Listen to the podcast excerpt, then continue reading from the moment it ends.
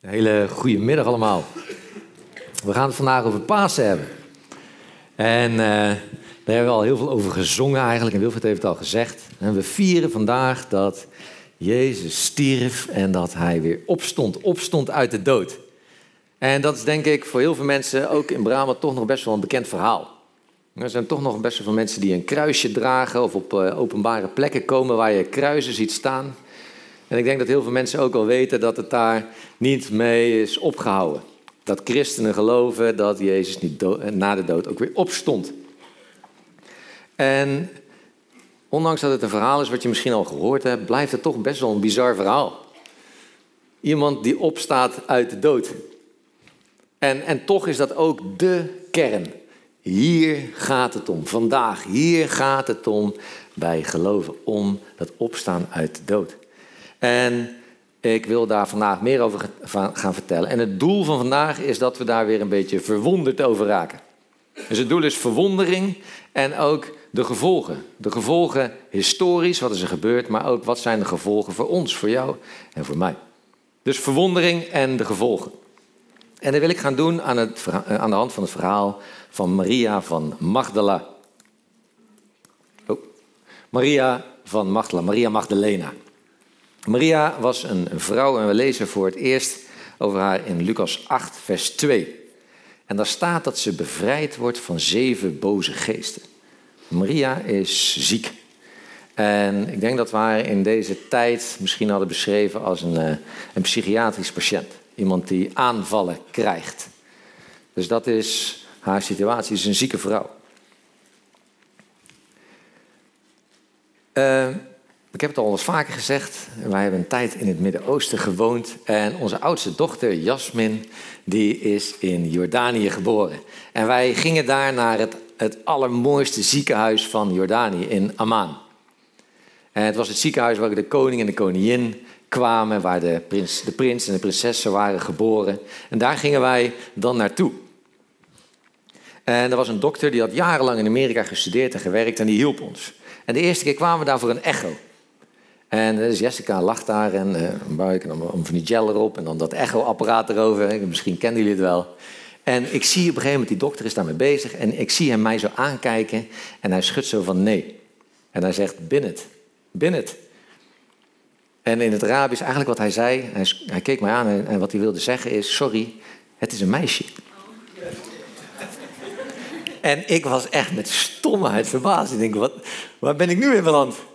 En, en we hadden wat probleempjes, en dus, eh, nou ik niet, maar Jessica. Eh, dus we moesten elke maand ook terugkomen. En elke maand was daar hetzelfde gebruik. dus Jessica lag daar weer, die, dat echoapparaat ging over. En dan was het, ja, het is nog steeds een meisje. er zijn nog heel veel culturen in de wereld waarin je niet bepaald met eh, de X-factor wordt geboren als je als meisje op aarde komt. Maar toen in het jaar 30, 31 was dat natuurlijk nog veel extremer. En dus Maria als vrouw had heel weinig rechten, rechteloos. En dan was ze nog ziek ook.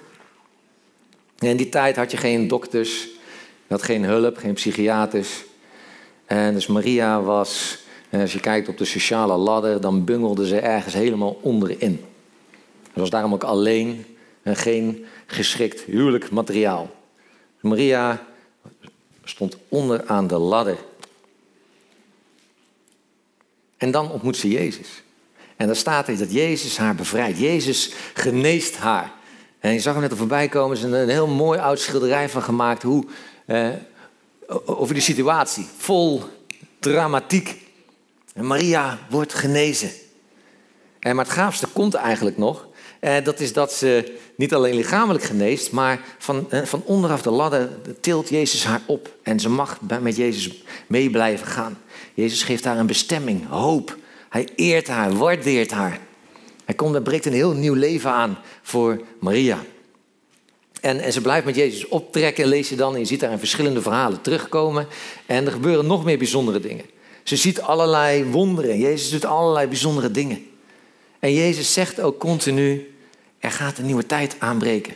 Er komt iets nieuws. Hij zegt, ik ben. Ik ben God. Ik ben de verlosser. Ik ben de verlosser. En, en Maria is natuurlijk is dan vol hoop.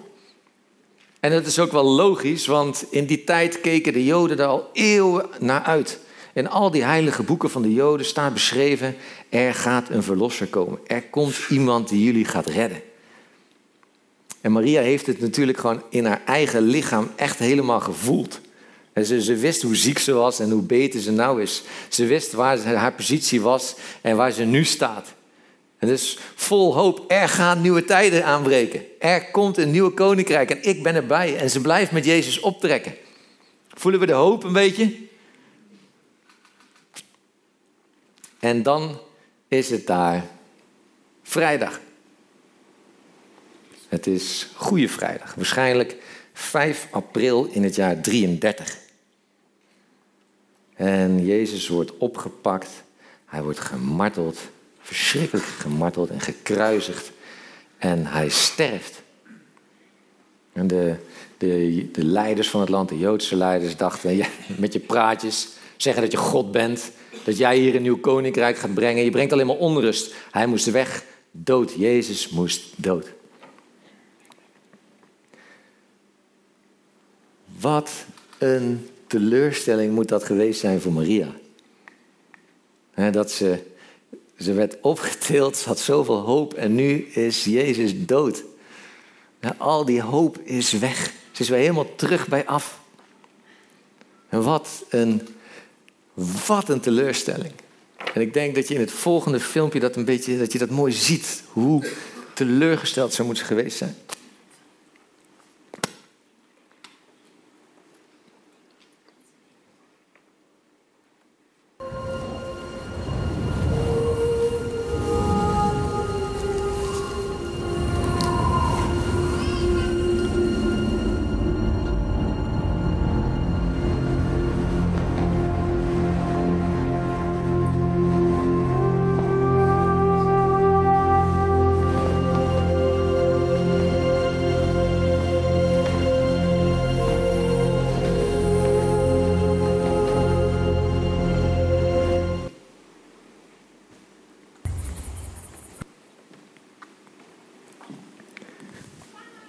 Zien we de teleurstelling, de totale wanhoop. En de vrienden van Jezus halen dan Jezus van het lichaam en, en ze wikkelen hem in doeken, staat er dan. 30 kilo aan linnen en zalf en specerijen tegen de stank. En ze leggen hem dan in een, in een grot. En over die zaterdag, de stille zaterdag, staat niet zo heel veel in de Bijbel waarschijnlijk hebben de, zijn vrienden, de mannen hebben zich opgesloten en, en, zitten bij elkaar. Die zijn vooral bang voor wat er gaat gebeuren. En nu? Maar ik kan me zo voorstellen dat Maria op zaterdag gewoon ook al daar bij dat graf gelegen heeft. En gedacht, wat moet ik nou, weet je wel? Ik was, ik was helemaal daar onderaan. Ik, nu heb ik hoop en nu ben ik weer helemaal terug. Wat, ik moet het allemaal weer alleen gaan doen. Kijk, en, en die mannen die zouden nog wel, hè, die, die zouden nog wel weer een baan kunnen gaan zoeken of gaan werken en uh, proberen in een onderhoud te gaan voorzien. Maar wat moest Maria? Weet je, totale, totale teleurstelling. En dan, en dan lezen we dat ze zondag heel vroeg al alweer naar dat graf gaat. En dat zie je ook wel vaker. Als, als iemand overlijdt, dat mensen naar het graf gaan om te rouwen. En daarbij het graf zijn om om, om, verdrietig te zijn. En dat doet Maria dus ook. Ze gaat weer terug op die zondagmorgen. En daar begint een beetje Johannes 20, waar ik iets over wil gaan vertellen. En uh, dat, eerste stuk van Johannes 20, wat er dan gebeurt op die zondagmorgen. Hè, dus vandaag, deze ochtend, als ze weer naar dat graf gaat. Vol verdriet, vol teleurstelling. En dat is een, een Engels filmpje, maar dan dit beschrijft letterlijk, letterlijke bijbelteksten over wat er dan gebeurt. Early on Sunday morning, while it was still dark, Mary Magdalene went to the tomb and saw that the stone had been taken away from the entrance. She went running to Simon Peter and the other disciple whom Jesus loved.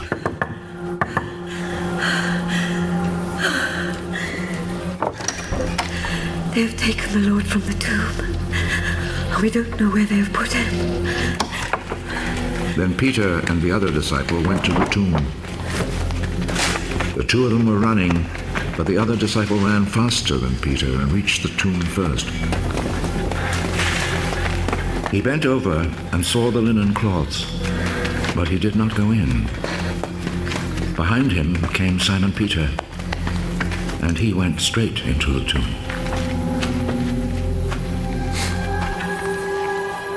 He saw the linen cloths lying there, and the cloth which had been around Jesus' head. It was not lying with the linen cloths, but was rolled up by itself. Then the other disciple who had reached the tomb first also went in. He saw and believed. They still did not understand the scripture which said that he must rise from death.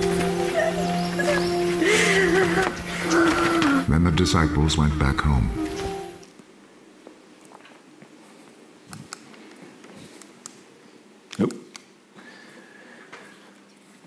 Maria gaat dus ochtends naar dat graf en ontdekt die steen is weg.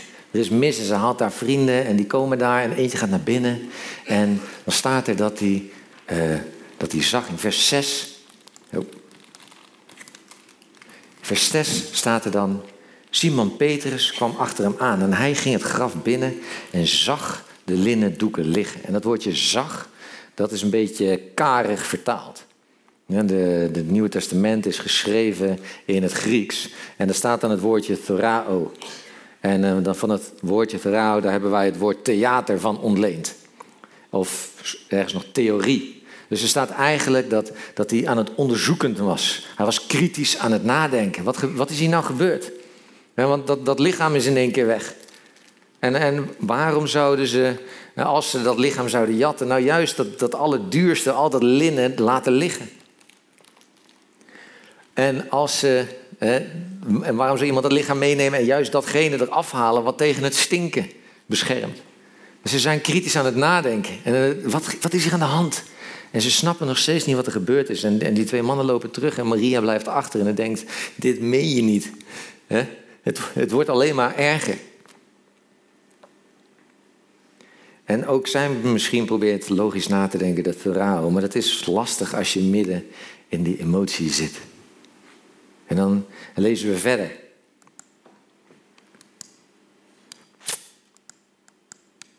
Maria stond buiten het graf te huilen. En huilend bukte ze zich om in het graf te kijken. En toen zag ze daar twee engelen in witte kleren. En de een zat aan het hoofdeinde en de ander aan het voeteinde van de plek waar het lichaam van Jezus had gelegen. En ze zei tegen haar: Vrouw, waarom huil je? En ze antwoordde: Omdat ze mijn Heer hebben weggehaald. En ik weet niet waar ze hem hebben gelegd. Dit gebeurt allemaal bij en om dat graf. En ik ben daar in, ik ben in Jeruzalem geweest op de twee plekken waarvan men dan denkt dat daar het, dit allemaal gebeurd is. En je hebt de heilige grafkerk, een kerk vol pracht en praal. Maar je hebt ook de graftuin. Een heel bescheiden tuin en daar is dan die grot. En dat is best wel indrukwekkend eigenlijk.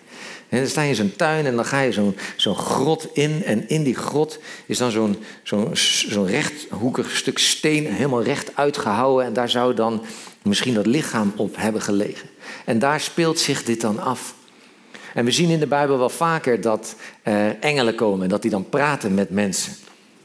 Maar nu staat er heel specifiek dat er uh, twee engelen aan de ene kant en de andere kant zitten. Ik had trouwens nog een mooie foto, een hele schattige foto van mij toen, uh, waar ik dan, toen ik daar was. En, maar dus dat uitgehouden rots waarin staat is heel specifiek dat aan de ene kant een engel zit en dat aan de andere kant een engel zit.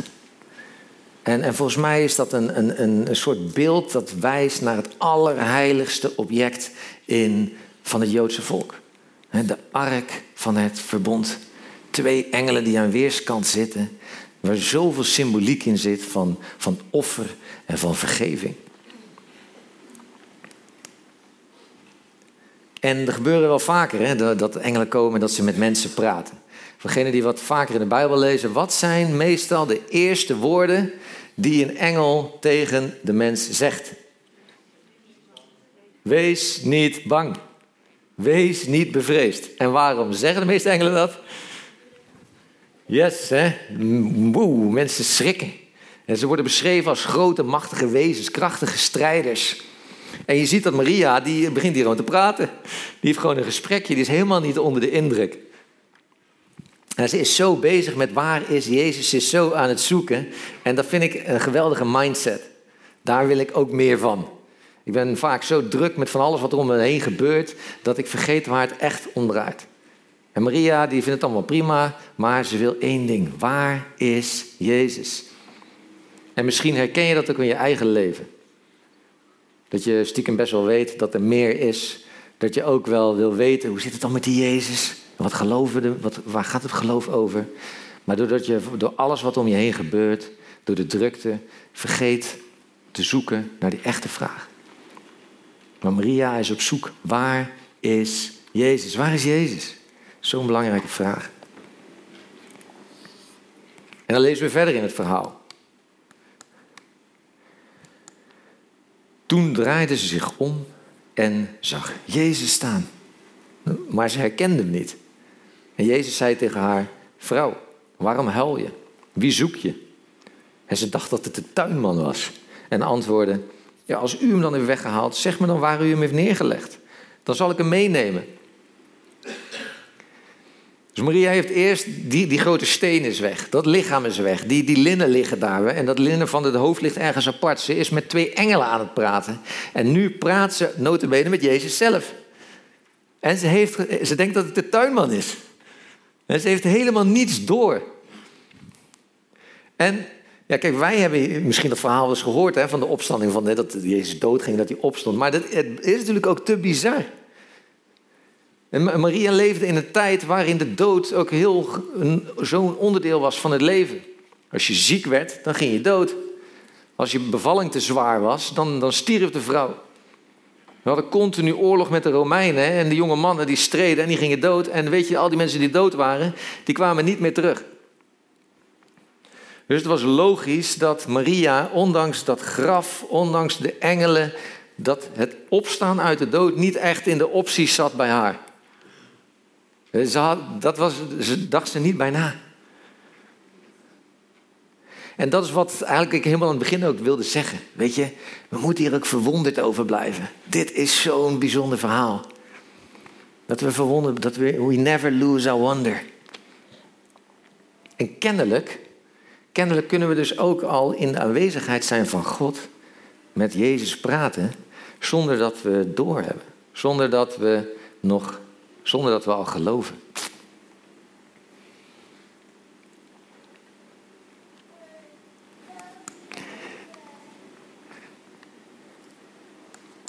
En dan lezen we verder. En toen zei Jezus, Maria. En ze draaide zich om en ze zei, meester, meester, u leeft. En ik heb, ik heb er heel veel over nagedacht over hoe, hoe, hoe dit moment nou te beschrijven. De Maria onderaan de sociale ladder, opgetild door Jezus en daarna alles kwijt, de totale wanhoop. En nu is, hij leeft toch weer. Het was geen grootspraak, het waren geen onzinpraatjes. Er gaat echt iets nieuws komen. En dit, het moet zo emotioneel voor haar geweest zijn, zo heftig. En ik, ik dacht, hoe kan ik dat nou laten zien of overbrengen? En ik ben er gewoon niet uitgekomen. Ik heb nog nagedacht om van die filmpjes te laten zien. dat van die soldaten na twee jaar, als ze dan in Afghanistan zijn geweest, terugkomen. En dat dan geliefdes hè, of kinderen, die, die een, een, vader of een, man weer terug zien komen. Dat is ook zo, oh, zo'n uitbarsting van emotie. Maar dat is wat ze hier gevoeld moet hebben. En dit is natuurlijk, dit is zo anders, dit is zo groot. Er gaat inderdaad echt iets nieuws aanbreken. En waarom herkent ze hem nu trouwens wel? Ze, was toch al met Jezus aan het praten? Hij noemt haar bij haar naam.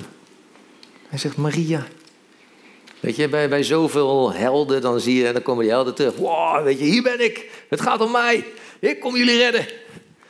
Maar Jezus maakt het heel klein en, noemt Maria bij haar naam. Het gaat om die ander. Het gaat niet om Jezus, het gaat om Maria. Maria, hoe gaat het? Waarom ben je verdrietig? Hij noemt ons bij onze naam.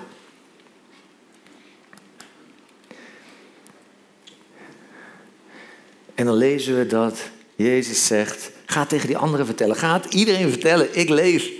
Ik ben dood gegaan, maar ik leef weer. Ga tegen die anderen vertellen. En dan en Maria van Magdala, Maria Magdalena ging naar de leerlingen en vertelde hun dat ze de Heer Jezus hadden gezien en wat hij tegen haar had gezegd. Ze gingen tegen de anderen geweldig, hè? Dat, dat Jezus dus dwars tegen de cultuur een vrouw uitkiest die als eerste Jezus mag ontmoeten. Een vrouw uitkiest die het als eerste tegen al die mannen mag gaan vertellen. In een tijd waar de getuigenis van een vrouw niets waard was. God gaat daar dwars tegen in.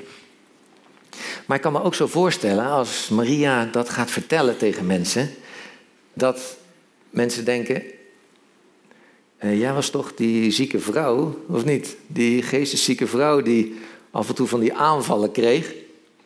Heb jij niet misschien weer een aanval gehad? Ben je niet een beetje in de war, Maria? Vond überhaupt altijd al een sterk idee dat je daarvan kon genezen. Hè? Dat jij in één keer beter was. Dat Maria dat als eerste moest gaan vertellen, dat maakt het hele verhaal ook heel kwetsbaar. En het was natuurlijk veel handiger geweest als Jezus een een of andere vooraanstaande man, een bekend iemand die iedereen vertrouwde, als hij zich daaraan had laten zien als eerste. En dat dat dan degene was geweest die het aan de anderen ging vertellen. En dit wordt ook vaak gebruikt als een bewijs dat het historisch ook wel waar moet zijn. dat als dit verhaal verzonnen was en ze het moesten gaan opschrijven, dan hadden ze wel iemand anders uitgekozen. Maar er zat gewoon niks anders op. In de tijd dat ze dit op hadden geschreven, ja, dit, zo is het gewoon gebeurd en zo hebben ze het op moeten schrijven. Het was Maria die dat ging vertellen. Maar het beschrijft gewoon heel erg wie God is. God is niet gevoelig voor status, voor wijsheid, voor wat wij eervol vinden. God kiest Maria weer uit en tilt haar op. En zegt, ik geef jou een bestemming. Je hoeft het niet alleen zelf te doen. Maar ik zet jou in je bestemming. Ik wil jou verhogen. Van uitergroot naar hoop, naar totale wanhoop en nu weer verhoogd. Met een doel. Hier gaan we voor. Dit is het. En Jezus laat zich daarna nog aan meerdere mensen zien. 500 in totaal. En we hebben het hier al vaker eh, in, eh, in deze kerk genoemd. Want er is zo ontzettend veel historisch bewijs voor Jezus. Ja, ook uit Romeinse bronnen, Griekse bronnen. Dat er geen enkele historici, historicus zal zeggen dat Jezus niet geleefd heeft. Zoveel bewijs voor dat we wel aannemen dat Jezus hier op aarde heeft rondgelopen. Maar voor wat hierna gebeurt, na dat moment, dus hier Maria gaat het vertellen, daar is ook enorm, enorm veel historisch bewijs voor. Want wat er gebeurt is, het ontploft. Er gaan duizenden en duizenden en enorm veel mensen gaan dit hele bizarre verhaal geloven. Jezus was dood en hij is opgestaan. En je ziet dat in Afrika, in Azië en in Europa er allerlei kerken ontstaan, men, clubjes die dit geloven dus in een hele korte tijd gaan, gaan heel zelfverzekerd, totaal eensgezind, ontstaat er een helemaal nieuw geloof. Het is ongehoord, een heel nieuw geloof en het groeit als een gek. En terwijl die mensen die dit gaan geloven aan het begin, die worden verschrikkelijk vervolgd. Eerst door de Joden worden ze opgepakt, maar daarna worden ze door de Romeinen voor de leeuw gegooid. Ze worden in de fik gestoken. Er gebeurt van alles mee en toch groeit en groeit die club overal. En dat komt denk ik ook weer door dat verao, door dat logisch nadenken. Want ze konden gewoon met Maria praten. Ze konden met die 500 andere mensen praten die het echt gezien hadden. En als je iemand ontmoet, iemand vertrouwt, die dit echt gelooft, dan zet het je vaak op zijn minst even na tot logisch nadenken. Wat klopt dit nou? Is dit nou echt gebeurd? Maar bovenop dat verhaal, dat logisch nadenken, kwam er nog iets, iets veel groters. Er kwam hoop. Er kwam hoop. Er was natuurlijk zoveel onrecht. de, de ongelijkheid van Maria, de ziektes, dood, worstelingen. En ook in ons leven is zoveel onrecht vaak. Misschien herken je het wel in je leven. De dingen waar je mee worstelt, die niet lukken, waar je van baalt. En dat lijkt soms, dat is een mooie vergelijking soms gemaakt wordt, lijkt soms als een dijk Een dijk die gewoon in het leven staat. Een dijk van onrecht.